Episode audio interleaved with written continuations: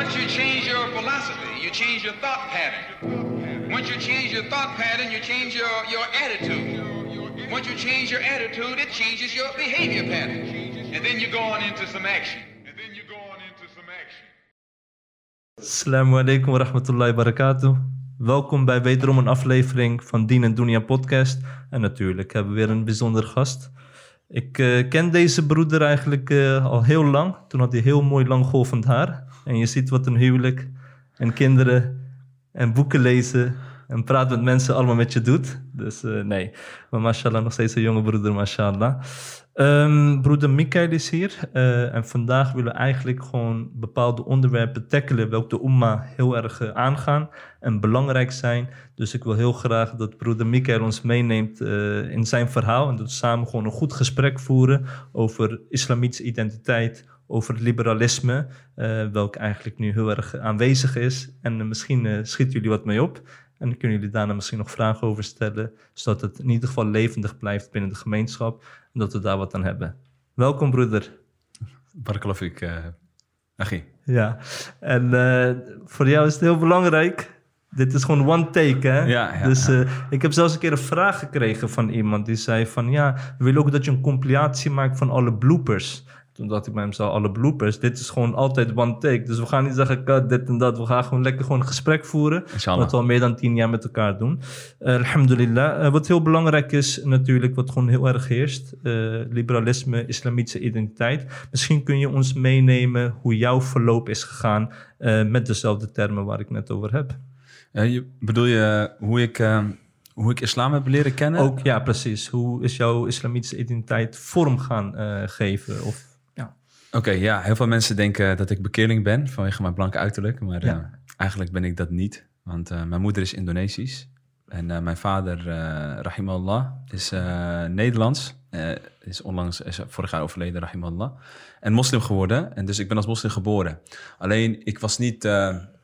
ik zat ook op een christelijke school, dus ik kreeg ook heel veel christelijke waarden mee. En ik had wel altijd interesse voor, voor het bestaan van... eh, ik, ik geloofde wel dat God bestond en ik vond de verhalen altijd heel erg mooi, weet je wel, vanuit de Bijbel. En vanuit islam, weet je wel, ehm, ja, mijn, moeder, eh, mijn moeder en vader waren wel echt eh, moslims natuurlijk. En, eh, ehm, alleen, ik, ehm, ik, ik leidde gewoon best wel een, ja, hoe noem je dat? Een vrij leven. Ik kreeg best, ik kreeg best wel zeg maar, voor mezelf eh, keuzes maken in het leven wat ik wilde gaan doen, weet je wel. En terwijl mijn moeder wel hè, toch wel een stukje meegaf vanuit het Indonesische en weet je, het islamitische. Ik ben heel goed opgevoed door hun, mogen Allah subhanahu wa ta'ala hen belonen. Amin. Ehm, maar ehm, ik leefde gewoon best wel gewoon vrij hierin. En toen ik op een gegeven moment ehm, eh, ja, eh, rond de 15, 16 was, was ik nog vrijer zoals de, de meeste jongeren eigenlijk doen. Weet je, op die leeftijd een beetje aan het puberen, een beetje je eigen identiteit aan het zoeken. En op een gegeven moment eh, voelde ik dat ik mijn identiteit meer een beetje wilde gaan zoeken in het Indonesische. Dus ik ging daar heel veel eh, onderzoek naar doen. Ehm, weet je wel, en wilde ik gewoon meer daarover weten. En daarna kreeg ik op een gegeven moment momenten... Ik speelde ook heel veel voetbal, weet je wel. Eh, ehm, en ik, eh, ik had op een gegeven moment eh, gevoelens van... ehm, ja, waarom, wat doe ik eigenlijk? Weet je wel, waar, waar, eh, ik had gevoelens van rechtvaardigheid, weet je. Van eh, wat ik doe... eh, ik probeer heel hard mijn best te doen, bijvoorbeeld om profvoetballer te worden, weet je wel. Eh, vijf keer in de week moest ik bijvoorbeeld trainen, wedstrijden spelen, alles erop en aan. En buiten dat was ik ook nog heel veel bezig. En toch waren andere mensen die, die voorrang kregen, voorkeur kregen, weet je wel. En dat lukte me toch niet. En, en zo kwamen er ook andere dingen bij elkaar. En ook bijvoorbeeld op school kreeg ik ook vragen van... ja, je bent toch eigenlijk moslim? Van, weet je, wat houdt het eigenlijk in? En ik kon daar geen vraag op, antwoord op geven. Dus voor mij leidde dat een beetje tot de vraag van... hey, wat ben ik eigenlijk? Weet je, wat moet ik? En ik was toen volgens mij rond de 18 jaar. En eh, ja, toen ben ik echt gaan nadenken van... oké, wat is eigenlijk waarheid? Ik, ik wilde heel neutraal erin gaan staan. En ik heb ook een tweelingbroer, zoals jij weet, Ja. eh, Nadim. Eh, dus wij op, we op datzelfde moment hadden diezelfde vragen. Weet je, zoals een tweelingen vaker hebben, weet je. En we hadden echt de vragen van, oké... nou, wat is de waarheid? Bestaat God? Bestaat hij niet? En als hij bestaat, wat wilt hij van ons? Wilt hij dat we christen zijn, eh, waar ik heel veel affiniteit mee had? Of wilt hij dat ik moslim ben, waar ik iets minder affiniteit mee had, maar wel een gevoel had van ja, dat is wel iets van mijn, eh, ehm, van mijn afkomst. Dat is iets wat, wat van bij mijn ouders aanwezig is. Dus toen dachten we, hey, we moeten een neutraal onderzoek gaan doen. Weet je wel? Want als wij bij voorbaat zeggen van we zijn moslims, terwijl, ehm, terwijl ehm, ehm, ja, als wij geboren waren als, eh, eh, als iets anders, dan waren we misschien christen of boeddhist of wat dan ook, of atheïst. Dus we dachten van, hé, we moeten gewoon op een neutrale manier onderzoek doen. Toen ehm, ja, ging, hadden we besloten dat ik een Koran in het Nederlands ging lezen en mijn broertje de Bijbel. Dus hij ging ja, ook in het Nederlands en we gingen gewoon lezen. En, Hadden eh, jullie echt hetzelfde gevoel ook op hetzelfde moment van... hé, hey, we moeten nu echt een keuze gaan maken van wie wij zijn? Of was bij ja, het was, heel, het was heel toevallig, want hij, kijk, hij was eigenlijk bekeerd tot het christendom, omdat hij een christelijk vriendinnetje had toen. Mhm. En, eh, maar dat ging kapot, dat, Mhm. ging, dat ging uit. En op een gegeven moment had hij dus ook een vraag van, ja, weet je, wat moet ik nu dan? Moet Mhm. ik dat vasthouden of niet? Moet ik terug naar de islam of moet ik eigenlijk helemaal niks doen met, met, met dit? Ehm, dus toen hadden we, subhanallah, op dezelfde moment hadden die vragen. En gingen we dus onderzoek doen. En, eh, en hij dus de, de Bijbel en ik de Koran lezen. En ik vond de Koran best wel moeilijk om te begrijpen. En er staat heel vaak zeg, weet je wel. Bijvoorbeeld, Qul Allahu ahad, bijvoorbeeld, weet je wel. Ja. Zeg, Allah is één, weet je. Nou, ik ging dat ook echt zeggen. Ik dacht, misschien gebeurt er wat, weet je wel. Dus, ehm, maar ik, ik had toch iets minder affiniteit ermee dan wat ik in de Bijbel zag. In de Bijbel was het toch Ja. veel meer verhalend, Ja. weet je wel. En dat verhalende, zeg maar, ehm, dat, dat, dat spreekt toch iets meer tot verbeelding, weet je. Ja. En daarom ehm, eh, begonnen we meer te neigen naar het christendom. Hij en ik. En we begonnen toch wel steeds meer te neigen van misschien is dit is het, denken, denken wij. En eh, toen op een dag bij ons thuis eh, waren er wat mensen aanwezig, wat vrienden. En er was ook één zo'n vriend, zo'n Algerijnse vriend. En die was met alles bezig behalve islam. Mhm. En we zaten op een gegeven moment eh, boven. Dat weet ik nog, en het was, heel, het was diep in de nacht. En eh, ik en mijn broertje spraken met hem over hoe mooi christendom is. En op een gegeven moment zei hij, weet je wel, van... Ik vind christendom ook heel mooi, maar je moet niet vergeten waar je vandaan komt, weet je wel. Zo, je moeder is moslim, dus je moet het een kans geven. Dus we dachten van, ja, weet je, je hebt wel gelijk. We hebben eigenlijk nog te weinig gegraven in islam om, om echt een beslissing te maken. Dus toen ging de zoektocht verder. Eh, en toen gingen we heel veel mensen vragen. Weet je wel, en mensen die wat meer van islam wisten, probeerden we echt heel veel vragen te stellen van ja, wat, het nou, wat de religie nou precies inhoudt. Eh, en op een gegeven moment via via, of eh, ja, kwamen we eigenlijk ja, bij een Indonesische man uit de gemeenschap kwamen we na de Ramadan ergens bijeen met andere, andere Indonesische kinderen. En toen, ehm, ja, toen ging hij iets vertellen over Ramadan. Nou, ik en mijn broertje hadden nog heel veel kritische vragen. Dus wij waren de enige in de klas, of met de vijf mensen, die gewoon echt allemaal vragen gingen stellen. En op een gegeven moment eh, ja, was de sessie voorbij. En het was nog niet heel erg overtuigend voor ons. Maar goed, we gingen weg. En, maar er was, achter ons was er ook een, eh, een vrouw met een hoofddoek. Die was eigenlijk haar kind een beetje borstvoeding aan het geven. En ook af en toe vragen aan het stellen in het Indonesisch. En zij kwam toen daarna naar, eh, naar ons toe. Want ze zag dat we heel veel vragen hadden. Ze zegt, hey, naar mijn broertje. Ze zegt, ik zie dat jullie heel veel vragen hebben. Mijn man, die geeft les. Dus misschien willen jullie les nemen. Toen dachten we, nou, waarom niet? Mm. Weet je wel? Dus we gingen toen eh, afspreken met die man. En ik dacht, nou, dat zal wel een Turk of een Marokkaan zijn. Of eh, weet je wel, Surinaams of Indonesisch of wat dan ook. Toen bleek het echt een Fries te zijn. Echt een, een- weet je wel, ja, echt Hollander. Hollandser dan, eh, ja, het kan bijna niet Hollandser, zeg maar. Dus we gingen met hem eh, zitten. En ik dacht al gelijk van, ja, weet je, ik ga niet veel van hem leren. Wat gaat hij maar leren, weet je wel? Eh, en mijn broertje die ging wel altijd met hem praten. Dus op een gegeven moment hadden ze een afspraak gemaakt. Hij kwam elke twee weken vanuit België kwam hij naar ons toe. En toen eh, kwam hij. Nou, en toen begon hij islam uit te leggen op een hele aparte manier. Oké. Eh, Zo'n boekje, dat heet eh, Weg tot Geloof. En hij begon eigenlijk islam op een hele rationele manier te benaderen. Dus, oké, wat is het bewijs dat Allah bestaat? Of God bestaat, laten we zeggen. Eh, Bestaat God wel of niet, weet je wel? En als hij bestaat, wat is dan rationeel gezien het bewijs... Dat, eh, eh, wat de waarheid is, weet je wel? Ja, wat bedoel je precies met rationeel? Rationeel eigenlijk het proces van denken. Eh, dus dat je op een, door middel van rationeel denken zegt van God bestaat of niet. Dus niet, ik bedoel daarmee niet wetenschappelijk denken of laten we zeggen... Kijk, ik had met geloof heel veel de associatie van dat is iets wat je gewoon moet geloven zonder dat er bewijs voor is. Ik bedoel, als ik zeg tegen jou, ik geloof dat ik jou gezien heb op de markt, dan is het onzekerheid. Ja, de toch? kans is aanwezig. Ja, en dat is eigenlijk in Nederland, eh, zoals je weet, eh, heel veel mensen hebben zoiets van nee, eh, geloof kun je niet bewijzen. Dat is gewoon wat je moet voelen. En dat had ik dus ook. Dus, en op een gegeven moment kwam hij gewoon echt met intellectuele, rationele bewijs, echt met denken. En toen dacht ik, wauw, weet je wel, want ratio, ik wist altijd dat het krachtig was, weet je wel. Dat had ik ook op school geleerd. En ik dacht van ja, weet je, dat is altijd iets wel wat tot waarheden leidt. En toen dat samenkwam, toen dacht ik, wauw, wat is dit voor een geloof, weet je wel. Dus het was- ja. ja, dat was echt, dat gaf me echt een boost. Dus toen hij, ik weet nog de laatste dag van de, de laatste les dat hij kwam, En dat, hij, dat we echt tot de conclusie waren gekomen, dus op basis van rationele bewijzen, dat God moet bestaan. En dat eh, islam absoluut de waarheid is met rationele bewijzen. Dus dat het boek van Allah, dus de Koran, 100% de waarheid is. Een wonder is van alles van het ta'ala, eh, weet je wel. Eh, en ook dat het altijd hetzelfde is gebleven. Ja, toen was het voor ons van, wauw, weet je, eh, we hebben nu eindelijk de waarheid gevonden. En Je hebt vastigheid eigenlijk. Zo voelde het. ja, en ook gewoon van ja, eigenlijk al die tijd zat onze moeder op de waarheid, weet je wel. Maar nu hadden we echt bewijs daarvoor. Dus eh, ik weet nog dat wij toen eh, aan het juichen waren, zeg maar. Toen eh, we hadden een klein feestje gevierd voor onszelf. Van hey, we weten nu welke kant we op moeten in het leven. Dus toen hebben we ons hele leven eigenlijk omgegooid. Weet je wel, zijn we volledig de kant van islam proberen op te gaan. Meer te verdiepen in de religie. Oude vriendengroepen, zeg maar. Uiteindelijk ja, is dat ook natuurlijke wijze, zeg maar, omdat je niet meer dezelfde interesses hebt, is dat ook zeg maar Ja. verloren gegaan. Is dat veranderd voor nieuwe groepen? Want we gingen opeens met iedereen discussiëren. Met iedereen wilden we, hè, omdat je, als je net islam leert en je leert bewijzen, dan wil je met iedereen, moslim en niet-moslim, wil je gewoon eigenlijk in discussie gaan van ja, wat zijn eigenlijk de bewijzen? Waar geloof jij in? Eh, weet je wel? En, nou, en dat vond niet iedereen leuk. Nee. Dus eh, ja, dan weet je al heel snel van eh, wie, wie overblijven we niet. En ja, en sindsdien eigenlijk proberen te verdiepen. Ging niet zonder slag of stoot. Weet je wel, Ja. soms eh, dat je te enthousiast bent en eh, dat je soms misschien op een eh, ondoordachte manier je meningen verkondigt. Weet je wel, aan familie. Weet je wel, vooral aan, aan, aan, aan mijn moeder. Mogen Allah subhanahu haar belonen voor haar geduld met ons. Amen. Ehm, eh, maar sindsdien zijn we dus echt bezig. En uiteindelijk bleek dus dat hetgeen wat ik geleerd had, dat dat was van dat de, de Friese man, dat hij eigenlijk van Hizb ut-Tahrir was. Ehm, en ik had eerst op, en we gingen op een gegeven moment gingen we dus kregen we meer onderwijs in de politiek intellectuele kant van islam. Weet je, en dat vond ik heel mooi. Ik had alleen zoiets van, ja, politiek, weet je, ik, ik moet daar niet zoveel mee. Mijn broertje, die, die vond het wel super interessant, dus die ging gewoon echt mee door. En ik had zoiets van, weet je, ehm, ik ga op een gegeven moment toch wel stoppen. Maar op een gegeven moment had ik zo'n filmpje gezien.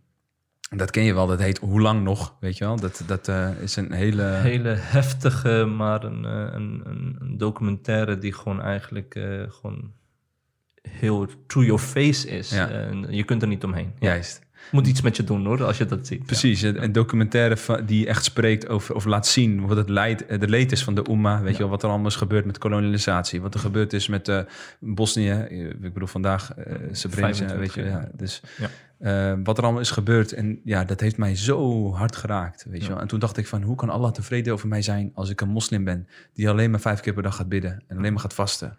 En gewoon voor de rest alleen een beetje thuis met mijn gezin bezig ben en that's it. En kennis opdoen en that's it. Dat kan gewoon niet. Dat geloof ik niet. Islam is een missie, geloofde ik, weet je wel. Dus toen had ik voor mezelf, oké, weet je wel, ik moet gewoon mijn leven inzetten om de vlag van islam, zeg maar, weer terug te laten komen. De veiligheid voor mijn, voor mijn umma te realiseren, weet je wel. En daarvoor moet ik werken. En ja, dus toen kwam er een hele pad van ehm, eigenlijk eh, het, eh, lessen die voornamelijk de intellectuele en politieke kant van islam ook be- bena- be- behandelen. En daarnaast heb ik ook daarbij ook natuurlijk geprobeerd om het Arabisch te bestuderen. Ik heb geprobeerd ook eh, eh, de fiqh te, te bestuderen en wat andere vakken. En zo tot vandaag probeer ik eigenlijk eh, islam als een identiteit te beleven hier als, een, als, als half Nederlander, half Indonesiër. Inshallah. Ehm, ja, dat is eigenlijk mijn kort, nee, kort, het is best wel lang, maar dat is eigenlijk mijn verhaal. Ja. Ik wilde even eh, teruggaan naar, eh, je hebt het over gehad eh, dat je een vrije opvoeding hebt genoten. Ja, Ehm, wat zijn, de, zijn er enkel voordelen aan een vrije opvoeding of zijn er ook nadelen? Wat zou je nu, ja, achteraf gezien nog kunnen meegeven? Want ehm velen van ons zijn ook vrij opgevoed, Ja. maar degene die bijvoorbeeld gewoon, eh wiens ouders gewoon uit eh, Pakistan, Egypte, Marokko komen, die hebben wel misschien een, een, een strikte, rigide vorm gehad, waarin Ja. je gewoon islam gewoon krijgt. ja, Bijvoorbeeld voor mij, ik ben opgevoed door mijn vader en moeder, Pakistaans kom af. Ja, was het eigenlijk een vraagstuk religie en God, Allah en de profeet Ja, dat je dat, daar een vraagteken achter zet, dat is eigenlijk ondenkbaar. Ehm, ja, wat zijn de pros en cons eigenlijk van een vrije opvoeding? Hele goede vraag. Ik, eh, ik denk dat het een mix tussen beide moet zijn. Kijk, eh, eh, het voordeel wat ik had, is, is dat mijn moeder heeft mij wel altijd geleerd van je moet wel rationeel je keuzes maken, weet je wel. En je moet, je moet erachter staan. En eh, ehm, ze liet mij eh, ze gaf mij een bepaalde vrijheid om zelf te ontdekken, weet je wel. En dat heeft mij geholpen om uiteindelijk, zeg maar, eh, echt overtuigd te raken van islam. Voor veel mensen is het inderdaad, misschien ook bij jou, misschien bij anderen, is het toch gewoon heel erg met een paplepel ingegoten. En het is gewoon zoals het is. En er worden geen vragen gesteld waarom. Bestaat Allah wel of niet? Of eh, is de Koran wel echt de waarheid of niet? Waardoor je misschien de overtuiging wat minder sterk is, weet je wel. aan de andere kant, als je te vrij wordt opgevoed, ja, dan zal dat ervoor zorgen dat jij uh, een hele andere kant op, op kan gaan. Weet je wel, wat je niet wilt. Uh, uh, dat, dat, dat je kind verdronken raakt in een liberale samenleving. en eigenlijk alleen maar meegaat met de meute, weet je. en de begeerte achterna gaat. Dus ik zou zeggen, voed je kind op met islam. Ja. Weet je wel, probeer zoveel mogelijk mee te geven, maar vertel ook altijd waarom. Weet je wel? En probeer ze ook wel zelf rationeel te laten denken. En uh, ga niet alleen maar voorschrijven wat ze moeten denken, maar ook waarom ze dat moeten. Zodat ze er ook echt achter kunnen staan. Hè? Als een kind een hoofddoek moet gaan dragen, waarom is het belangrijk voor ons? Wat is eigenlijk meer de, de, de gedachte erachter waarom we dat doen? Uh, en tegelijkertijd wel gewoon strikt in jouw beleving ervan zijn. Ik denk als je die mix hebt, dan ga je een hele bewuste generatie opvoeden die aan de ene kant praktiserend zelf wil zijn, intrinsiek gemotiveerd is en niet als de papa en mama niet kijken dat ze hun hoofddoek af gaan doen of wat dan ook, weet je wel. En ik denk dat dat ook heel erg ontbreekt vandaag in, de, eh, in Nederland, uh, misschien in het Westen over het algemeen, ook in het Oosten, dat, dat, dat we toch veel meer de intellectuele kant ook moeten gaan opzoeken van islam. Ook als alternatief. Ehm, alternatieve manier van leven uh, dat beter is dan de liberale manier van leven die, uh, die heel erg domineert in de wereld vandaag de dag. Ja, nee, ik denk dat uh, ja, vooral dat mix van je moet wel strikt zijn waar nodig. En je moet ook mensen of kinderen de ruimte geven dat het gewoon heel erg belangrijk is. Want de kinderen die worden nu heel erg beïnvloed. in onze tijd werden wij ook beïnvloed, maar nu zie je toch meer een verscheidenheid aan diverse interesses. De mogelijkheden zijn gewoon enorm. Als je zin hebt om bijvoorbeeld gewoon uh, muziek te luisteren, dan is het gewoon binnen handbereik. Wil je een film kijken, is het binnen handbereik. Ja. Uh, wil jij jouw mening kenbaar maken, dan kun je binnen, ja, binnen luttele seconden kun je gewoon mensen vanuit Nederland zoals Hawaii, iedereen kun jij benaderen. Um, hoe denk je dat dit eigenlijk is ontstaan? De verscheidenheid aan keuzes om jezelf te kunnen uitdrukken.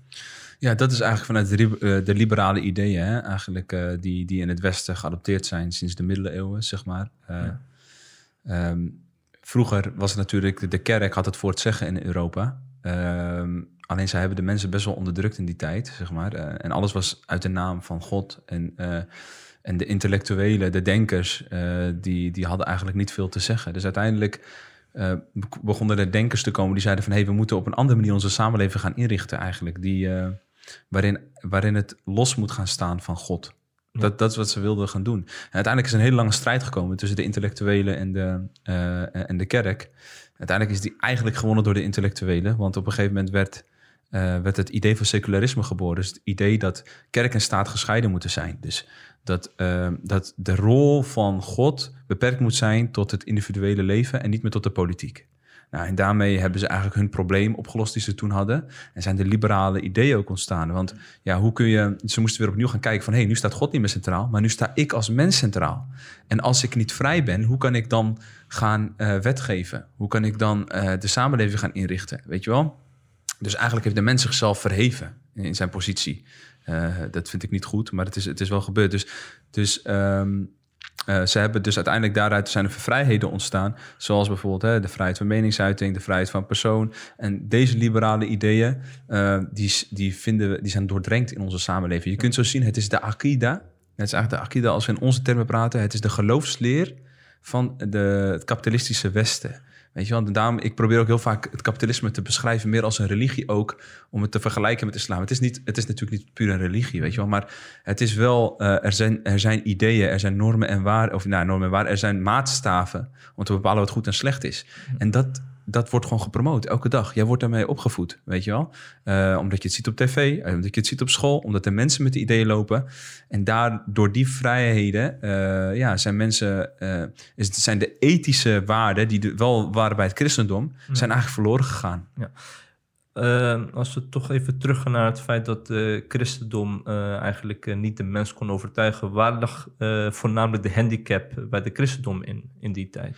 Ja, ik denk toch het rationele aspect ook. de ene kant natuurlijk, um, de onderdrukking van de kerk heeft heel veel mensen, zeg maar, boos gemaakt Ja, en wat, is- teleurgesteld. wat bedoel je precies met onderdrukking? Hoe werden zij onderdrukt? Wat, Nou ja, de mensen werden gewoon echt uitgebuit, weet je wel. Eh, eh, ze, ze, ze, ze, ze, ze stalen eigenlijk het geld van de mensen. Ze, ze, ze domineerden over hen. Ze hadden het volledig voor het zeggen. En ze, op, basis in de naam van God, wat natuurlijk helemaal niet zo was, weet je wel. Eh, er gaan ook verhalen natuurlijk dat je ook een stukje van het paradijs kon kopen, bijvoorbeeld, weet je wel. En dan moest je heel veel geld voor betalen. En dat, nou, arme mensen konden dus daar niet in de hemel komen. Dit, ja, dit soort dingen, dat heeft gewoon voor een hele negatieve sfeer gezorgd. En ook als mensen kwamen met nieuwe theorieën, bijvoorbeeld dat de aarde rond was of wat dan ook, eh, dan werd het volledig tegengewerkt, omdat, het, eh, omdat het, ze zagen dat als een bedreiging voor de, Ja. voor de, eh, ja, voor de, de, de leer van de kerk. En klopt ook dat de interpretatie van de Bijbel enkel voor een elite was weggelegd en niet zozeer voor uh, anderen? En Ja, daar heb ik nog niet zozeer in verdiept, maar uiteindelijk, hè, de politiek heeft eigenlijk gewoon christendom misbruikt, misbruikt. Ja. laten we zeggen, om, eh, om, om de mensen eigenlijk uit te buiten. En het liberale gedachtegoed is daardoor eh, ontstaan. Je hebt aangegeven, oké, nu moest de mens eigenlijk gewoon invulling geven aan vrijheid. Maar wat ik wel merk is van, oké, liberalisme is nu opkomend, wordt door de mens geaccepteerd. En als we liberalisme vergelijken met gewoon dat betekent dat de mens vrij dient te zijn. Maar met het seculiere gedachtegoed wordt er meteen wel een beperking gelegd. Wordt wel meteen een concessie gesloten. Dus ben je dan volledig vrij of niet? Als je meteen wel moet accepteren van oké, religie heeft hier geen rol in en daar wel in. Daar heb ik altijd mee geworsteld. ja, van ja, wat is dan vrijheid als je niet jouw religie kan verkondigen of uitvoeren zoals jij het wilt? Dus je beperkt de religie meteen al. Ja. Waar ligt het vrijheid dan? Ja, eh, het, het, het is ook gewoon een marketing stunt eigenlijk. Weet je wel. Het is, ze zijn relatief vrijer dan dat ze waren in de tijd van. eh, eh, de tijd dat de kerk nog heerste in de middeleeuwen, zeg maar. Maar absolute vrijheid, dat, dat gaat gewoon niet. Ik Ja. bedoel, eh, dan heb je snelweg zonder verkeersregels. En dat wil je ook niet hebben, want dan krijg je botsingen, weet je wel. Maar eh, in, in de zekere zin, wat, wat, wat, wat ze bedoelen met de vrijheid natuurlijk, is ook dat bijvoorbeeld dat je mag bezitten wat je wilt. Eh, ehm, ehm, en dat je, dat je, met je met je lichaam mag doen wat je wilt. Ik bedoel, mensen die tatoeëren zich, die bouwen zichzelf om. die hebben eh, ehm, gemeenschap met, met andere mensen zonder huwelijk. Dus in die zin heel veel eh, beperkingen die, die toch wel ook religieus van aard waren, Hmm. die zijn opeens allemaal weg. En, en dat heeft voor heel veel vrijheid gezorgd, waardoor iedereen eh, doen en laat wat hij wilt en niet meer zeg maar, bezig is met Ja. slaaf zijn of laten we zeggen dienaar zijn van, van God. Ja, en het probleem is ook, wat ik had, toen je zei van laten we misschien ook over liberalisme gaan praten, we gingen wel even stiekem wat artikelen weer even lezen om, om na te gaan wat liberalisme precies ook eh, betekent. En je ziet gewoon een bepaalde eh, tendens dat mensen die voorstander zijn van liberalisme het zo laten overkomen dat de overheid eigenlijk neutraal is. Dus we moeten gaan voor liberalisme en de overheid is daarin neutraal in om eigenlijk liberalisme te promoten. Maar dan ben je niet neutraal. Je hebt al een Klopt. standpunt Ja, ja. eigenlijk al ingenomen. Eh, en eh, ik las ook vandaag even nog een artikel waarin iemand zei van eigenlijk leidt nu de huidige liberalisme leidt aan narcisme. En degene zei het heel mooi van eigenlijk als je niet overeenkomt met de dominante manier eh, van denken, dus je bent niet eens met liberalisme, dan geniet je ook niet de equal recognition. Nee. Dus eh, dat is eigenlijk heel erg, gaat heel erg eh, in tegen liberale of vrije denken. Dus je mag niet denken wat je wilt eigenlijk, Nee. maar zo promoten zij het wel. En, en dat zien we natuurlijk ook met de moslims vandaag de dag. Ja. Eh, islam is totaal niet liberaal. Want islam zegt, jij bent slaaf van Allah. Ja. Jij bent dienaar van Allah. Dus elke handeling is gebonden aan wat hij wilt van ons. Weet je wel? En op het moment dat je zegt, la ilaha illallah Muhammad Rasulullah, zeg eigenlijk, ik geef mijn vrijheid, geef ik aan Allah. Weet je wel? En ik ben dienaar van hem en ik doe wat hij van mij vraagt Ja. eh, in het dagelijks leven. Nou, en daarom botst dat hè, natuurlijk met het seculiere en liberale idee eh, van de vrijheden. Want wij zeggen bijvoorbeeld vrijheid van persoon. Je mag met iedereen een gemeenschap die, hebben die je wil zeggen. Nee, dat mag niet. Je mag het alleen met een vrouw, eh, eh, binnen, binnen, eh, binnen een huwelijk, weet je wel. Alleen met een moslima of met, een, eh, met iemand van Ahlul Kitab, van de christen, eh, christenen en joden bijvoorbeeld. Als we zeggen vrijheid van... ehm, bezit. Wij mogen niet alles bezitten wat we willen. We mogen geen alcohol bezitten of geen varkensvlees bezitten. Wij mogen ook geen eh, monopolies hebben, bijvoorbeeld. Eh, eh, weet je wel, we mogen ook geen publieke eigendommen bezitten. Wat wel natuurlijk in het liberalisme heel erg aanwezig is. Hè? Dat, dat dingen waar iedereen gebruik van maakt, zoals bijvoorbeeld de trein of de, de post of ziekenhuizen, dat die uiteindelijk st- steeds meer geprivatiseerd worden. weet je wel?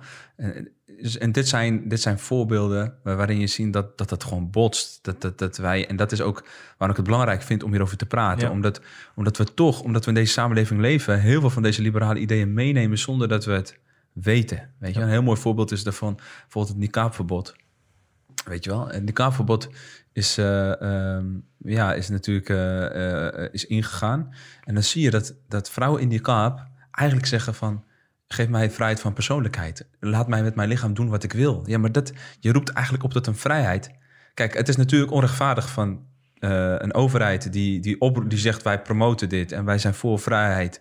Maar dat ze opeens eh, eh, voor jou dat beperken, weet je wel, tuurlijk, dat is onrechtvaardig. Maar je zou als moslim niet daartoe moeten oproepen, want wij geloven daar niet in. Wij geloven juist in beperktheid. We zeggen, hey, al, eh, ook mijn kleding, dat moet geordend worden door de schepper. Want dat zal tot ware harmonie leiden en niet al, al deze vrij, eh, vrijheden. Maar dat is ook een discussie wat ik een keer met een broeder had, is van eh, dat wanneer zusters zeggen van ja, wij moeten gewoon opstaan en we moeten tegen de niqab bijvoorbeeld ingaan op basis van persoonlijke vrijheid, welke wij dienen te genieten.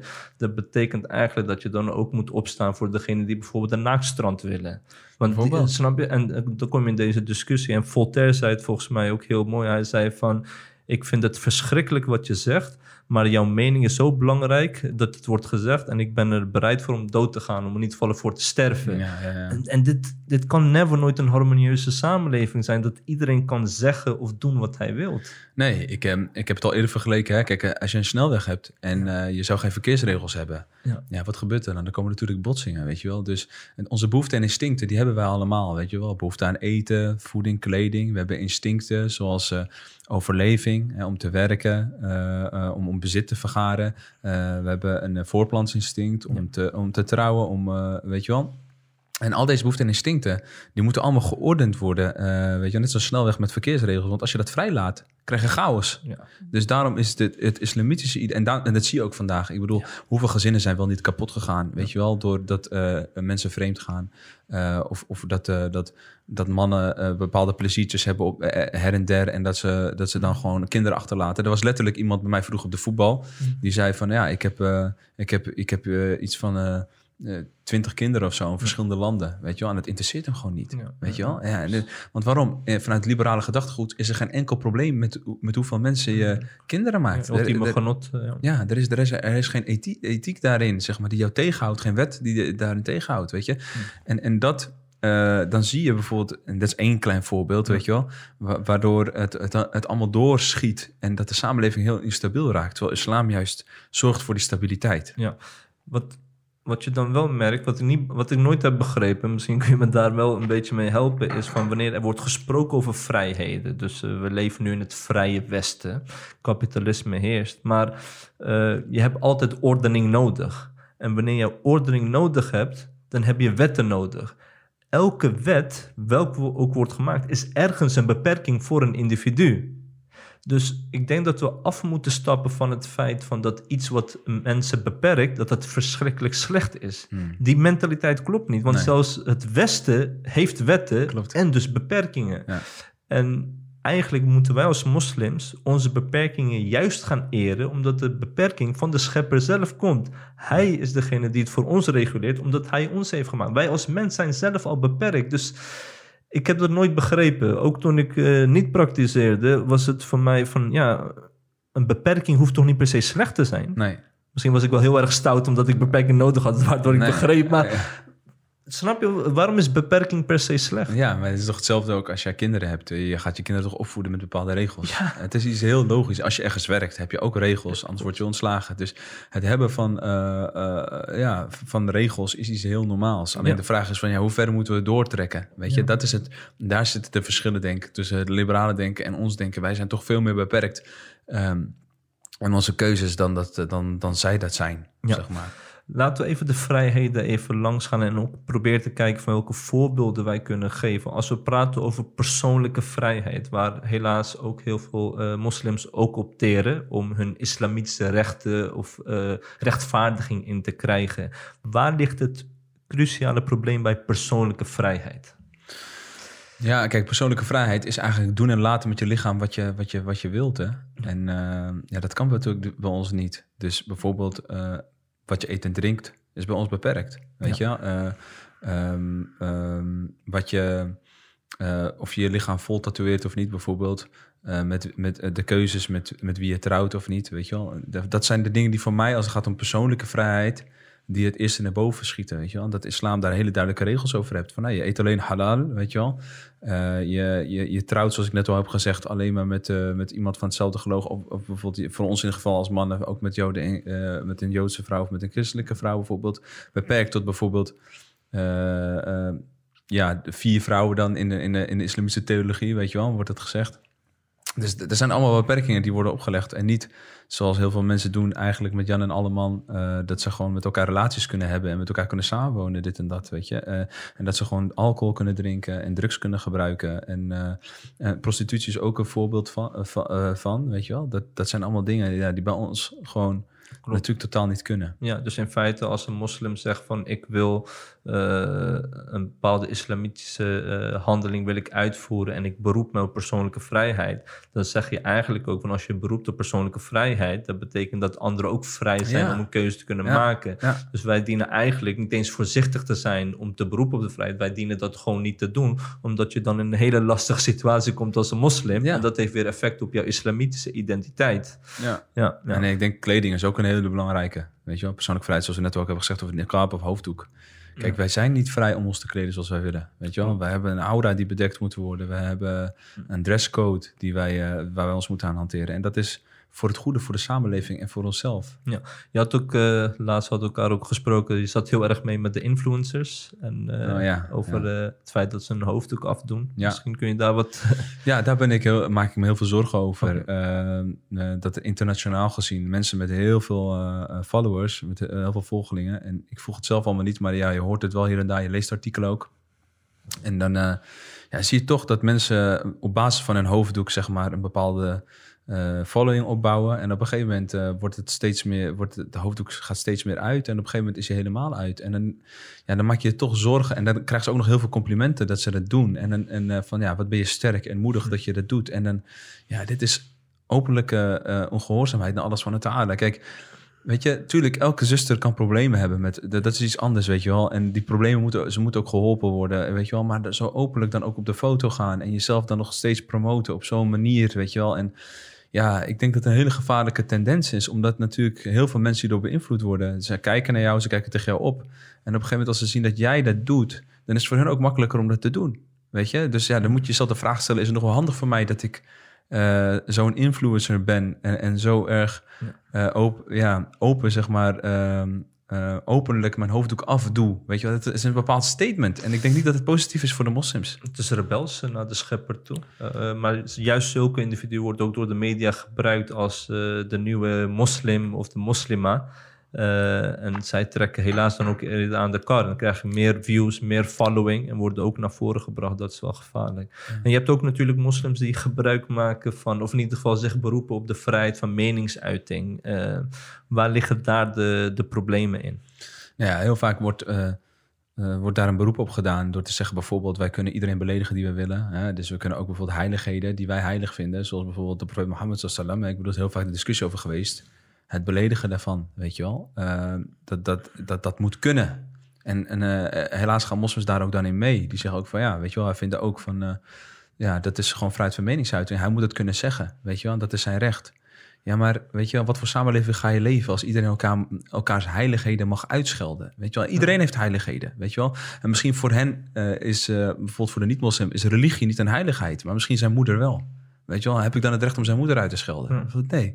Weet je wel, dus als jij een, een samenleving... Kijk, dan zeggen sommigen van ja, maar ja, we moeten ook kritiek kunnen geven. Ik zeg, maar kritiek is niet per se erg, weet je wel. Het is niet erg om met mij in discussie te gaan over van... hé, hey, ik ben niet eens met islam of ik ben niet eens met wat jouw profeet heeft gedaan. Oké, dan gaan we daarover in discussie of in dialoog. Maar we gaan niet elkaar beledigen, weet je wel. Ja. En islam, die verbiedt dat. Zowel eh, ten opzichte van de moslims, ten opzichte van de niet-moslims. Eh, wel, weet je, als er een islamitische staat zou zijn, is het absoluut niet toegestaan om ook eh, christenen bijvoorbeeld te beledigen, of joden te beledigen, of anderen op basis van, van hun geloofs, eh, geloofsovertuigingen. Dus die vrijheid hebben wij helemaal niet. En ik denk ook niet dat het goed is.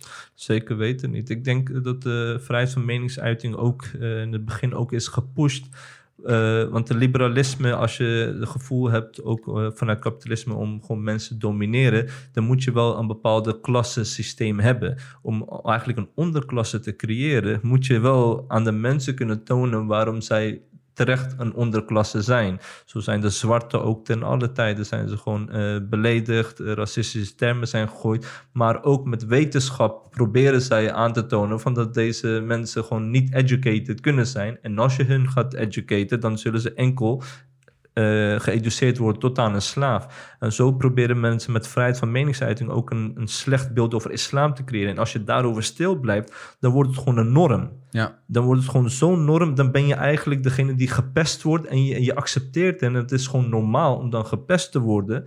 En dat leidt weer door het feit, door degene die moslim zijn, dat ze het eigenlijk niet meer zo fijn vinden om moslim te zijn. Ja, lijkt me logisch. Ja, maar ook wat ook een hele erg effect is, is van kijk, stel je voor, ik laat Ehm, ik laat mijn profeet sallallahu alaihi wasallam beledigen. Uh, Hashalillah, mogen alle dat voorkomen, weet je wel. Ja. Ehm, ja, hoe, hoe komt het over op de kinderen? Ja. ja, dat komt over eigenlijk dat het niet meer zo heilig is. Want als iemand mijn moeder uitscheldt, ja, dan word ik wel... Eh, de meeste mensen worden boos als je iemands moeder uitscheldt. Maar als de profeet, zoals die ons dierbaarder is dan onze moeder, onze vader en onszelf, onze eigen levens, worden we niet boos. Nou, dat is eigenlijk een tactiek het beledigen van onze profeet is eigenlijk een tactiek om ons eigenlijk uh, monddood te maken. Om te zeggen van jullie moeten me accepteren. Jullie moeten deze vrijheid. Wat? Ik wil deze vrijheid niet. Ik wil mijn sallam beschermen. Ik wil daarvoor opstaan. En ik kan best. Ik ga met jou in discussie en ik, ik kan mijn onvrede uiten als jij, uh, als jij dat doet. Ik ga dat niet zomaar laten gebeuren, omdat het voor mij een van mijn heilige, van mijn grootste heiligheden is. Weet je wel? En dat is denk ik wat heel belangrijk is voor ons dat we dat beseffen. Als jij niet staat voor jouw normen dan zul je uiteindelijk, zeg maar, uh, ik zeg altijd, weet je wel, wat sommige mensen zeggen, het is beter om staan te sterven dan op je knieën te leven. Klopt. Weet je wel, je kan beter gewoon uh, opstaan voor jouw principes. En, en weet je, een geluid maken. En ja, je gaat, het gaat niet makkelijk worden. Maar ja, je hebt, wat is een man als hij geen principes heeft en niet daarvoor staat? Klopt, eens. En dat is ook het probleem, welke discussie welke ook vaak met uh, onze broeders en zusters hebben. Van ja, sommigen zeggen ja, het is beter nu om stil te blijven, anders ga je voor nog meer chaos en wanorde uh, creëren. Ja. Maar dan denk ik bij mezelf van als jij zegt dat je van iets houdt, van de profeet sallallahu houdt. Oké, okay, en hij wordt geattaqueerd. Ja, dan, dan voel je toch iets en dat is toch een automatische reactie welke bij een moslim dient te zijn. Ja. En, en, dit is iets, ja, dat, als je dat niet meer hebt, dan gaan mensen denken, oh, nou, dan ga ik gewoon verder. En mensen zeggen toch niks. Ja. En zo denkt een bully altijd. Als degene die gepest wordt niet gaat reageren, dan proberen ze te domineren. En op een gegeven moment gaan zij invulling geven over hoe je naar islam moet gaan kijken. En, en, dat is een groot gevaar. Als de heiligheid van onze profeet wordt geschaad in de zin van dat, het zo er, dat wij het allemaal gaan accepteren dat hij beledigd wordt, dat betekent ook dat hij minder serieus genomen gaat worden in de harten. En dat betekent dus ook dat we zijn sunnah minder serieus gaan nemen, weet je wel. Dus het is heel belangrijk op de legale middelen die er zijn, want die zijn er. Je mag demonstreren, je mag jezelf uitspreken. Doe het, weet je wel. Spreek je in ieder geval uit. Accepteer het niet. Ook als een collega of wat dan ook, weet je wel. Uh, Allah uh, of de profeet sallallahu alaihi wasallam beledigt, weet je. Ik heb ook een keertje, een keertje meegemaakt dat, uh, dat ik op werk was en dat, dat is best wel lang geleden. En dat, dat iemand zei van... Um, ja, weet je waarom? Hij zei gewoon tegen zijn collega's, weet je wel, maar we zaten in een grote zaal, flexplekken. En toen zei iemand van, ja, uh, weet je waarom uh, moslims niet vasten in, uh, in de avond? En toen zei hij, waarom? Ja, omdat Allah hen dan niet ziet. Nou, toen ben ik echt opgestaan en ik heb, de, weet je, de hele zaal voelde zich ongemakkelijk. Maar dat is dan eventjes goed. Ja. Dat hij weet van, hey, dit zijn mijn grenzen, weet je wel. Ik, ik, ik kan het niet accepteren. Dat je vernedert mijn, mijn, mijn meest dierbare... Uh, uh, ja, mijn geloof, wat voor ja. mij heel erg dierbaar is. En ik denk prima kunnen we samenleven met, uh, met, met, met de niet-moslims op deze voet. Waarom moeten we elkaar beledigen? beledigen. Weet je?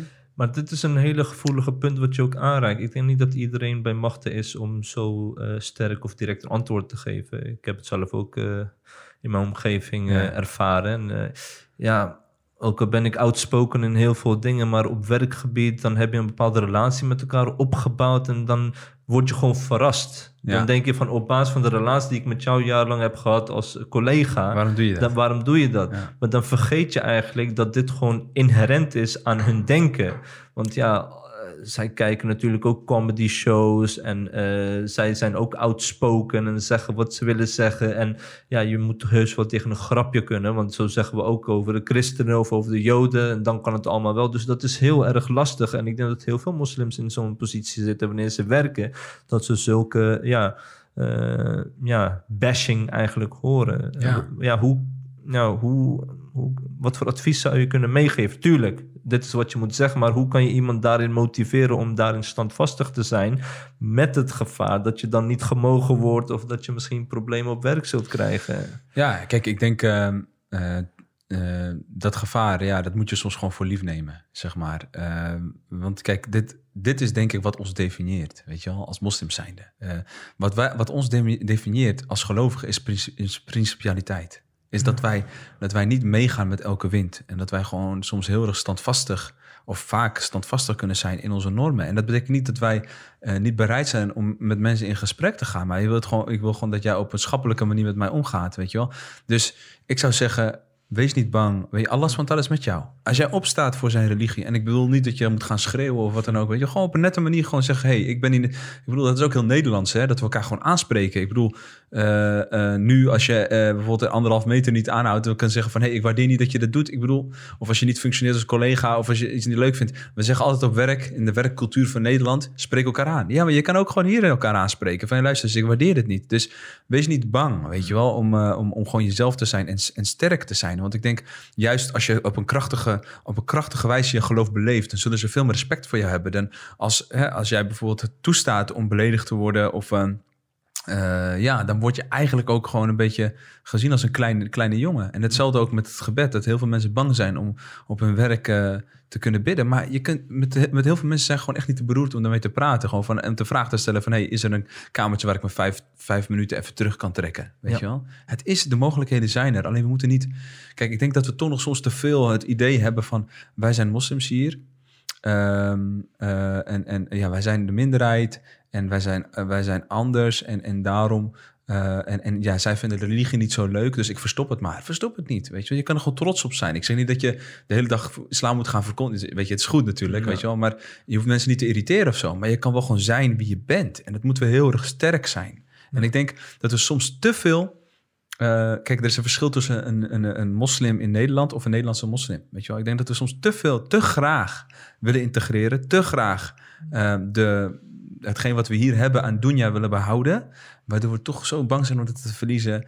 Eh, eh, eh, en dat we dus eerder proberen, ja, eh, zeg maar water bij de wijn te gooien. Of laten we zeggen concessies te doen in onze principes. Dan dat wij standvastig erop blijven. Terwijl dat de uitdaging is. Dat is de beproeving van alles van het aarde. Hoe standvastig ben je eigenlijk tijdens de beproevingen? Ja. Maar is het ook niet zo dat Nederlands on- Nederland ons heel veel heeft gegeven? Ja. Zo, zo komt het in feite eigenlijk eh, een beetje over. Ja, Da- waardoor mensen een soort van een minderwaardigheidscomplex hebben. ja maar het feit dat, jij, dat iemand jou iets goeds geeft... betekent niet dat je jouw principes... eh, dat je niet jezelf hoeft te zijn... of dat je niet aan je principes hoeft te houden. Weet je wel? En eh, kijk, Faraon heeft ook veel gegeven aan Musa. Weet je Ja. wel? Toen hij, Ja. hij, hij zegt het zelfs ook, weet je Ja. wel? Hij zegt... Weet je wel, van ik heb je zoveel gegeven en dan ben je ondankbaar aan mij. Ja. Weet je wel? ja maar je hebt de hele Bani Israël heb je als slaaf gemaakt. Ik zeg niet dat de Nederlandse overheid het doet, maar Nee. Het gaat erom... eh, het Nou ja, Oké, het is het verleden gebeurd, ja. Maar het feit dat, ehm, eh, eh, het feit dat iemand iets, iets goeds voor jou doet, betekent niet dat je daardoor terug moet betalen door af te, af te, te stappen van jouw principes. Exact, Dat- ja. Dan ben je toch niet, ja, dan ben je toch, dan ben je toch je eigen persoonlijkheid kwijtgeraakt. Eens. En daarnaast ben ik ook heel open daarin. Eh, Nederland, eh, Nederland is gefinancierd door haar handelen in het verleden. En we praten nu natuurlijk over alle de vrijheden, of in ieder geval de stelsel eh, waar heel veel mensen van kunnen genieten, sociale stelsel. Maar het is allemaal gewoon gefundeerd door het verleden, het koloniale verleden Ja. van Nederland. Daar moeten we gewoon eerlijk in zijn. Ja. Dus dit is het resultaat daarvan.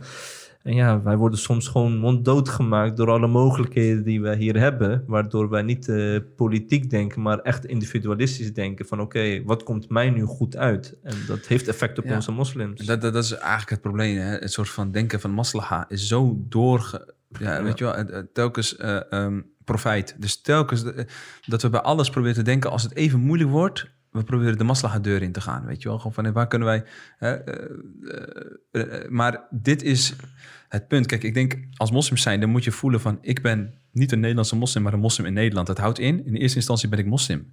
Dat is wat ik ben. Oké, ik kan hier zijn... Ik heb misschien een Nederlands paspoort. En in mijn geval, ik heb Nederlands bloed.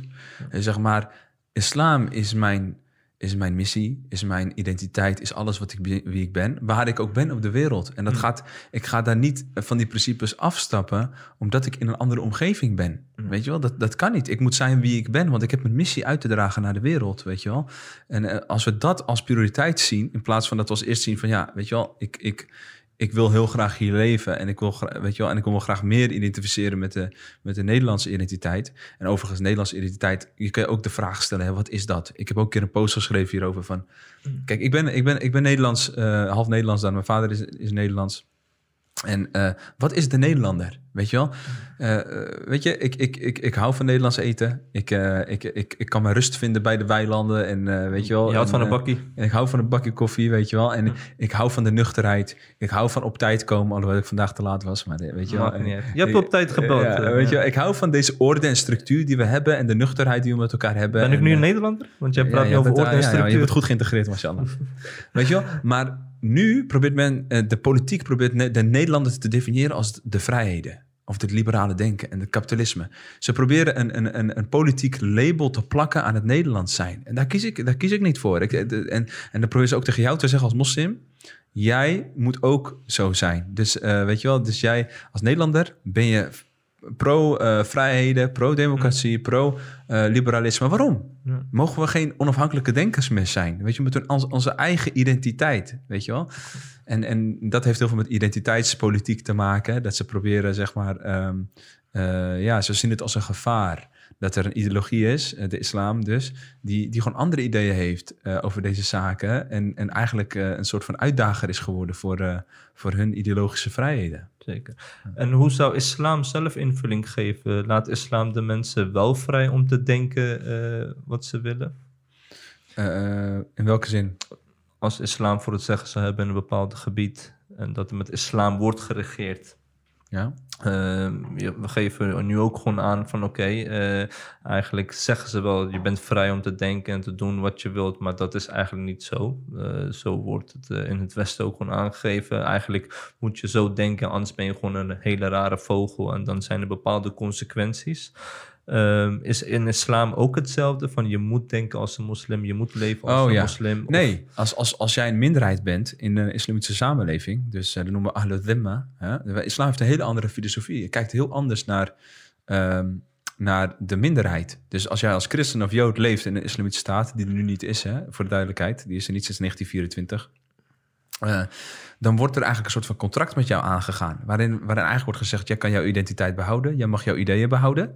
Eh, jij, jij, krijgt je eigen eh, rechtbank bijvoorbeeld voor de huwelijken en voor de persoonlijke atmosfeer, zeg maar, eh, waar jij dingen moet gaan oplossen. En we hebben aan de andere kant de publieke atmosfeer, atmosfeer waar je wel gewoon moet houden aan de algemene code. Dus bijvoorbeeld klederdracht.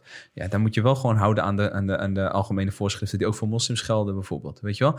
Nou, en, dus, en daarmee zie je dat islam niet zozeer ingaat op wat er in je hoofd speelt, zeg maar, eh, qua identiteit. Dus ze bemoeien daar niet mee. Maar ze bemoeien zich meer mee van hoe gedraag jij jou, weet je wel? En dat vind ik veel eh, eh, schappelijker dan dat, je, dat een overheid is, zegt die eigenlijk jou probeert te assimileren en te integreren onder het mom van jij moet deze waarden accepteren. En als je dat niet doet, ja, dan, ben je, dan moet je naar je eigen land gaan of moet je, dan ben je radicaal of dan, weet je, dan krijg je al die termen zeg maar naar je toe. En dat is eigenlijk onrechtvaardig, dat is onderdrukking. Want waarom zou jij, waarom moet ik iemand laten zeggen over wat in mijn hoofd speelt? Weet je wel, dat, dat, eh, dat is toch tussen mij en, eh, en Allah wat dat betreft. Ja. En daar moeten zij zich niet mee bemoeien. Duidelijk. Dus ze zeggen ook, hè, eh, het is niet meer genoeg. Dus daar, subhanallah, eerst was het, we dachten dat integratie was dat je alleen de taal hoefde te spreken en dat je hoog opgeleid bent of wat dan ook. Dat je goed in de samenleving, maar dat vinden ze niet genoeg. Ze willen echt dat we de liberale ideeën en democratie omarmen. Ja, en dat, eh, dus, dus eigenlijk eigen maken, een soort van akida, dat we onze akida aanpassen. Ja. Ehm, en dat kan, dat kan echt niet van ons gevraagd worden. Klopt. Ja, ze zien het ook gewoon als eh, een universeel iets. En het is een vanzelfsprekendheid dat een normaal denkend mens dient te staan voor eh, de democratie bijvoorbeeld. Ja. Eh, alles daarbuiten is eigenlijk gewoon wereldvreemd en zelfs gewoon apart. En als er wordt verwezen, gewezen naar de tijdperken waarin met islam werd geregeerd, ja, dan wordt het gewoon verwezen als een tijdperk eh, wat eigenlijk gewoon dictatorisch was. Eh, dus wij moeten echt onze geschiedenis goed kennen, denk ik. Dat dat eh, heel erg belangrijk is. Voor de jongeren nu, ehm, zij worden natuurlijk met dit allemaal geconfronteerd. Mhm. Eh, zij hebben bepaalde uitdagingen. Ze hebben uitdagingen in het denken. Van oké, hoe moet ik denken als een moslim? Dat wordt, daar wordt aanslagen op gepleegd door de, door de overheid en media. Eh, daarnaast hebben ze ook de, de vrijheden. Ehm, met al deze mogelijkheden, welke ja, handvaten zou jij aan de, aan de nieuwe generatie, aan de jongeren en eigenlijk ook aan onze generatie willen meegeven om alsnog standvastig te blijven in Nederland? Ja, dat is een hele goede vraag. Ehm, ik denk dat het heel belangrijk is dat we, onze dat we de moslims meer gaan trainen op het intellectuele stuk. Eh, kijk, eh, het is niet meer genoeg om alleen maar eh, de fiqh van, eh van ibadah te behandelen, weet je wel. Eh, eh, de traditionele islamitische studie is, je leert Arabisch, je, je leert de fiqh van ibadah, dus hoe je moet bidden, hoe je moet vasten en misschien een stukje transacties en that's it. Ja, maar er is nu een laag die heel belangrijk is. Ik zeg, kijk, elke tijd heeft zijn, heeft zijn mannen, weet je wel, en zijn eigen uitdagingen. En je ziet vroeger bijvoorbeeld in de tijd van Ahmed ibn Hanbal, dat was in de tijd van de, de Mu'tazila, en toen moest hij, zeg maar, daar tegenop nemen, Ja. weet je wel. Ehm, in de tijd van Salahuddin al-Ayyubi, uh, rahimahullah, waren de kruisvaarders, eh, die hadden, eh, die hadden zeg maar Palestina bezet. Dus toen had hij die job, zeg maar. Nu, als we kijken in deze tijd, is dat heel veel moslims gewoon beïnvloed worden door de liberale ideeën, weet je wel. En als wij dat niet, eh, als wij daar niet eh, dat intellectuele stuk, dat niet aanpakken, dan ga je moslims hebben die totaal, eh, ze, ze zeggen ik ben moslim, maar eigenlijk zijn ze volledig, eh, volledig liberaal in hun denken, volledig seculier. Ja. Dus islampolitiek is volledig gescheiden. Ik mag doen met mijn lichaam wat ik wil. Eh, weet je, hoofddoek is niet meer verplicht. Homoseksualiteit is toegestaan, weet je wel. Dus je krijgt dat soort ideeën, krijg je allemaal in, de nieuwe, in de nieuwe jeugd. Dus ik denk dat er een hele grote verantwoordelijkheid is voor imams, voor instituten, voor ons als, als misschien dat oudere broers. Om de nieuwe generatie op te voeden met tools. Dat zij, ehm, eh, dat zij zien wat het islamitische perspectief is op al deze zaken. En hoe wij, hoe dat eigenlijk de islamitische eh, perspectieven veel beter zijn dan de liberale. Want dat, eh, dat is eigenlijk wat waarlijk leidt tot een, een betere en stabiele samenleving. Dus zelfs voor niet-moslims. We zouden het eigenlijk als alternatief zelfs moeten uitdragen aan niet-moslims. in plaats van dat wij heel erg, zoals we nu in Nederland heel erg doen, heel erg verdedigend zijn, heel erg bang zijn. Eh, elke keer als we weer aangevallen worden op onze eigen waarden. En we zouden het totaal niet mee moeten doen ook. En dat is ook een probleem voor de jongeren. Is dat wij heel veel meedoen aan die antiradicaliseringsinitiatieven, weet je wel. Want wat, wat betekent radicaal? Weet je, dat is, dat is ook zo'n punt. Nou, ik heb, ik heb, alle, ik heb zo'n beetje alle overheidsstukken gelezen als het gaat om beleid eh, ten opzichte van de moslims. En dan zie je eigenlijk dat radicaal is eigenlijk iemand die niet democratie accepteert als eh, de beste, beste systeem. Dat de sharia beter vindt eigenlijk, weet je wel. En niet de liberale ideeën de beste vindt, maar eigenlijk de sharia beter vindt. Ja, maar een moslim hoort toch de sharia beter te vinden? Ik bedoel, het is de wet van Allah. Weet je, hoe kun je zeggen dat de wet van de mens beter is dan de wet van Allah? Weet je, dat kan toch niet? Dus, maar helaas, eh, heel veel moslims gaan dan mee in het antiradicaliseringsverhaal. Van ja, weet je wel, we moeten, het is een heel groot probleem onder de moslims en we moeten mensen deradicaliseren. Maar wat je eigenlijk feitelijk doet, is dat, je, dat ze willen dat moslims liberaler, liberaler worden. En niet per se dat ze geweld, want ze zeggen ook letterlijk in de rapporten: van het gaat, eh, je hebt ook heel veel eh, probleem van, grote, van radicale moslims die niet per se geweld plegen, Ja. maar die gewoon eigenlijk ja, niet voor pro-liberalisme zijn. En dat is, weet je, als wij niet als moslims stoppen met, met, met eh, naar elkaar wijzen, zeg maar. Van ja, die is radicaal of die is een salafist of die, weet je wel, dan, ja, dan... eh, Ze willen ons ideologisch verlammen. En dan hebben Ja. ze ons gewoon waar ze ons willen hebben. En eh, wat heel veel moslims niet begrijpen en wel dienen te begrijpen... is als je eenmaal ook achter de, de shahada staat... dan neem je een rugzak mee. En die rugzak bestaat niet enkel uit het gebed, eh, zakat en hajj. Je draagt een hele verantwoordelijkheid mee. En als je kijkt naar de uitvoering van de profeet Mohammed sallallahu alaihi wasallam... samen met de sahaba radiyallahu anhum... en vele grootheden daarna... zij hebben begrepen dat dit gewoon een message is... Ja. wat verkondigd dient te worden. Dit is eh, niet eens een, een, een goede alternatief. Dit is het beste, enige alternatief voor de mensheid. Ja. En wanneer mensen vanuit die perspectief alle dingen gaan bekijken, dan zullen ze eerder onderwerpen aan de schepper. Maar wat je nu ziet bijvoorbeeld, mensen die ook prediken, mensen die ook aanwezig zijn en zeggen dat islam een oplossing eh, biedt, als zij voor een bepaalde kwestie komen te staan. Stel je voor eh, dat de overheid gaat zeggen van oké, eh, ook in islamitisch onderwijs moeten jullie ook eh, kinderen educeren over het feit dat homo zijn normaal is bijvoorbeeld.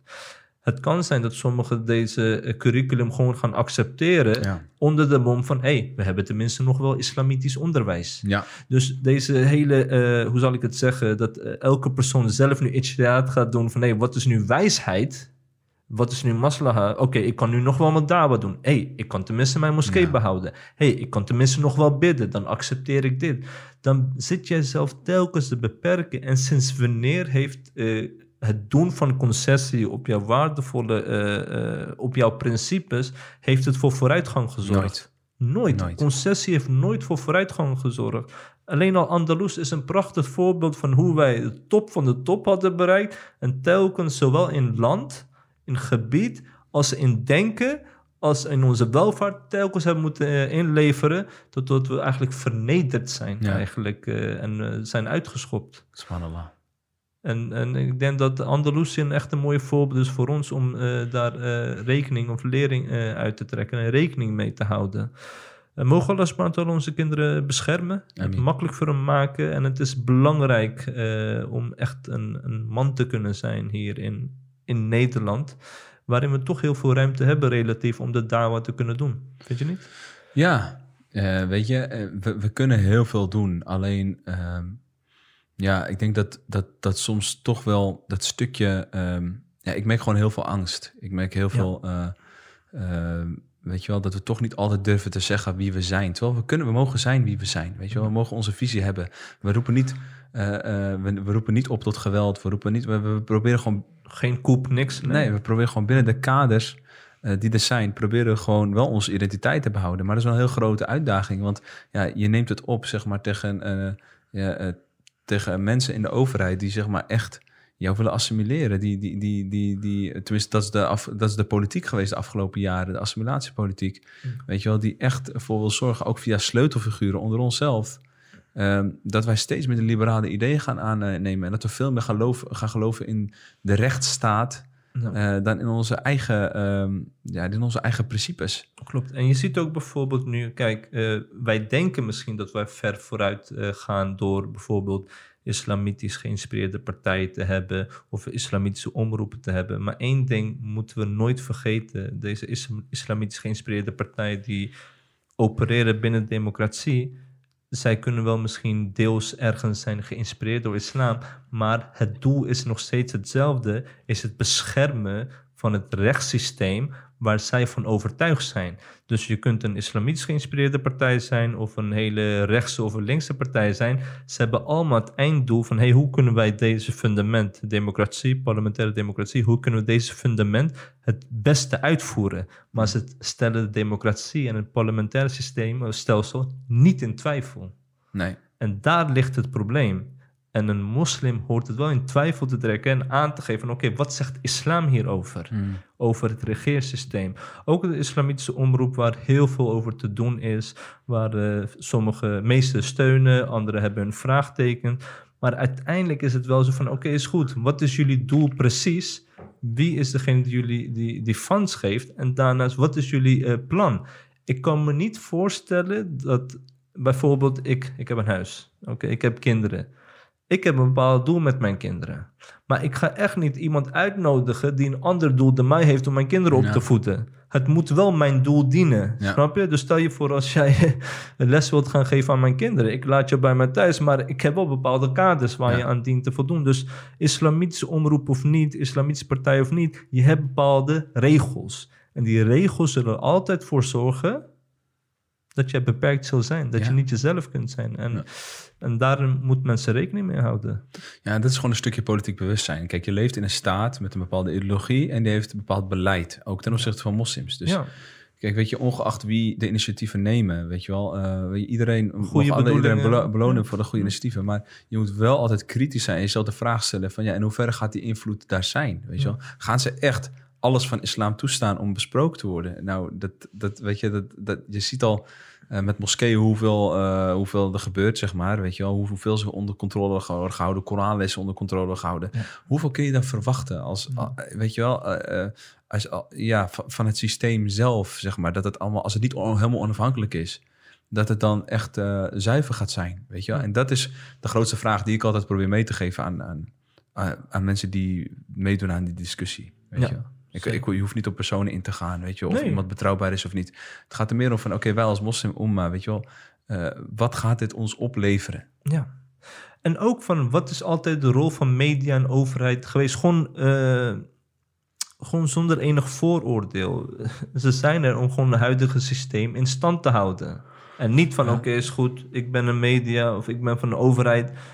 Ja, jullie zoeken het maar uit en eh, wie van jullie wint en dan wordt dat de media of dan wordt dat de overheid. Nee, er zijn bepaalde eh, checks en balances die erin worden gehouden om ervoor te zorgen dat alles volgens hun eh, regels wordt gedaan en dat iedereen binnen de lijntjes gaat kleuren. En als mensen binnen de lijntjes blijven kleuren, ja, dan blijven we gewoon waarin we zijn. En dat kan effect hebben op, op de generatie die daarna zal komen, waardoor wij enkel misschien moslim zullen blijven op basis van onze ja, geboortekaartje. Voornaam is Mohammed, oké, dus dan is hij moslim. That's it. Ja. En Maar nou, ik- ideeën, dat is heel erg En gevaarlijk. da- daarom vind ik het ook, kijk, weet je, je hoort heel vaak dat mensen met fatwas komen van, ja, weet je, het is toegestaan of het is niet, weet je wel. Maar dan denk ik van, ja, in hoeverre hebben jullie de beleidsstukken van de overheid gelezen? In hoeverre hebben jullie eh, inzicht wat voor ideologie hier heerst en weet je, en hoe dat wordt doorgedrukt? En dan denk ik van, ja, weet je, eh, ehm, daar moet rekening mee gehouden worden, weet je, als, je, als mensen fatwa geven over onze situatie, weet je. Het is niet dat we zo eh, vanuit, eh, dat mensen met video's komen vanuit een ander land, weet je wel, van ja, hier, eh, weet je wel, ehm, zonder de politieke context te begrijpen en de intellectuele context te begrijpen. Om dan gewoon een uitspraak te doen van ja, je kan participeren, weet je wel, bijvoorbeeld aan democratische verkiezingen of wat dan ook, weet je wel. Of, en dat vind ik altijd zo jammer. Maar, ja, maar dan eh, ben je, zijn ze bang om als extreem te worden bestempeld. Het lijkt wel dat de Usuli-regel is van ja, zolang je maar niet als extreem wordt bestempeld. Ja, ja. Dat is gevaar. Ja. Want als je als een outcast wordt gezien, ja, dan, dan is dat niet goed. En dat is eh, het effect wat de overheid en media kan hebben. Hoeveel predikers komen hier wel niet? En die worden meteen bestempeld. Ik bedoel, discussie over vrouwenbesnijdenis. eh, nou, die krijgt meteen een werkstraf. Dus ja, het is heel erg, heel erg lastig om Ja. jezelf te kunnen manoeuvreren. ja. Ja. Klopt. Ehm, welke punten zijn nog eh, belangrijk? We hebben het over de, ja, de islamitische identiteit. Misschien kun je daar nog wat eh, dieper op ingaan. Je had het ook over een Nederlandse moslim of het zijn van een moslim in Nederland. ja. En de focus dient te zijn op het leven van een, eh, als een moslim in Nederland. Ja. We hebben te maken gehad over verschillende uitdagingen die er zijn. Eh, Er zijn nog andere punten die je aan de gemeenschap kunt aanreiken van oké, eh, waar ze bewust van dienen te zijn. Ja, ik denk, kijk, als je, het draait heel erg om, om, die, om die zin. Hè? Ik, vind het een, ik vind het een mooie zin, is niet van mij hoor, maar weet je wel, eh, van ja, moslim in Nederland of Nederlandse moslim. Kijk, het, het ene zegt, Nederlandse moslim zegt echt van, ik ben in eerste instantie Nederlander, dat is mijn identiteit, dit is wie ik ben. En ik heb ook islam als culturele, religieuze achtergrond. Het, is een hele seculiere manier van denken bijna. En dat, eh, het zegt ook iets waar je loyaliteit in de eerste instantie ligt. Eh, weet je wel, aan een, aan liberale kapitalistische identiteit eh, die ons zogenaamd hier verbindt, weet je wel. Ehm, terwijl aan de andere kant, als je zegt moslim in Nederland, dan zeg je eigenlijk van ik ben vrij van elke grens waar ik op ben. Maar waar ik ben, ik ben gewoon moslim en ik hou me aan mijn principes. Wat betekent mijn principes? Ik verlogen niet mijn ideeën die mijn religie mij geeft. Vanuit de Koran en de Sunnah en de Ijma. En weet je wel, en de bronnen die wij hebben, die we al eeuwenlang dragen. Ik ga daar niks van inleveren, weet je wel. Eh, ik denk op het moment als jij dat in je hoofd hebt, van ik, ik ben hier niet eh, eh, om te genieten, maar om eigenlijk mijn islam te bewaren, weet je wel, en te, en te verspreiden. Dan denk ik dat heel veel door, die, door die mindset, dat, dat, we, dat we op een hele andere manier gaan kijken in Nederland. En dat we niet constant bezig zijn van, ja, ik wil hier blijven, maar ik wil ook mijn islam behouden. Dus hoe past dit samen? Als je dat gaat doen, het gaat niet passen. Weet je, het gaat niet passen, want islam is een ideologie. Nederland is te klein voor, voor islam, zeg maar. Weet je? Of, de- of het secularisme is te klein voor het spectrum wat islam biedt.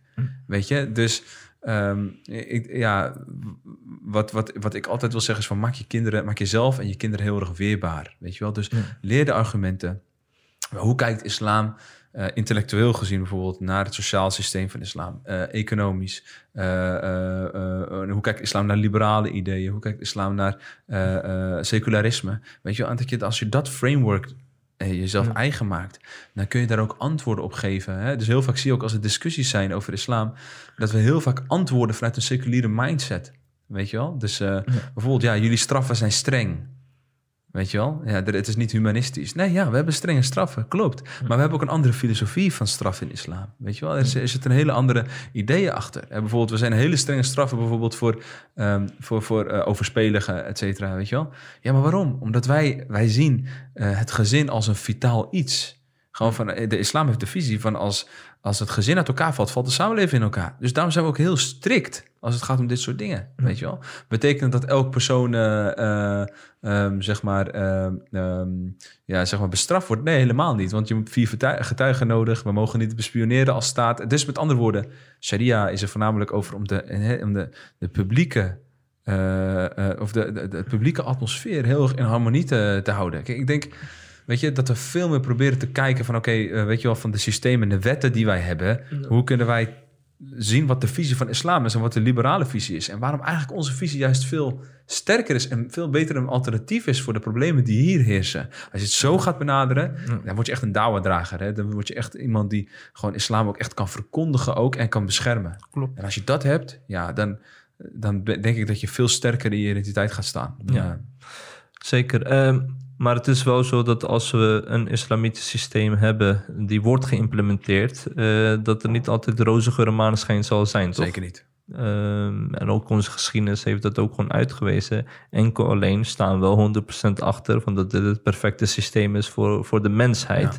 En dat het wordt uitgevoerd door mensen. De mensen zijn zelf beperkt en eh, de uitvoering hoeft niet altijd eh, goed te kunnen zijn, helaas. Maar dat is gewoon de realiteit. Ik wil jou bedanken voor een eh, mooi gesprek en eh, misschien tot weer in de toekomst, Dagie. Eh, We zullen zien, inshallah. Inshallah. Ik zie jou sowieso vaak. Dus, Inshallah. het komt goed, inshallah. Amin. Assalamu alaikum wa rahmatullahi wa barakatuh. Wa alaikum salam wa barakatuh.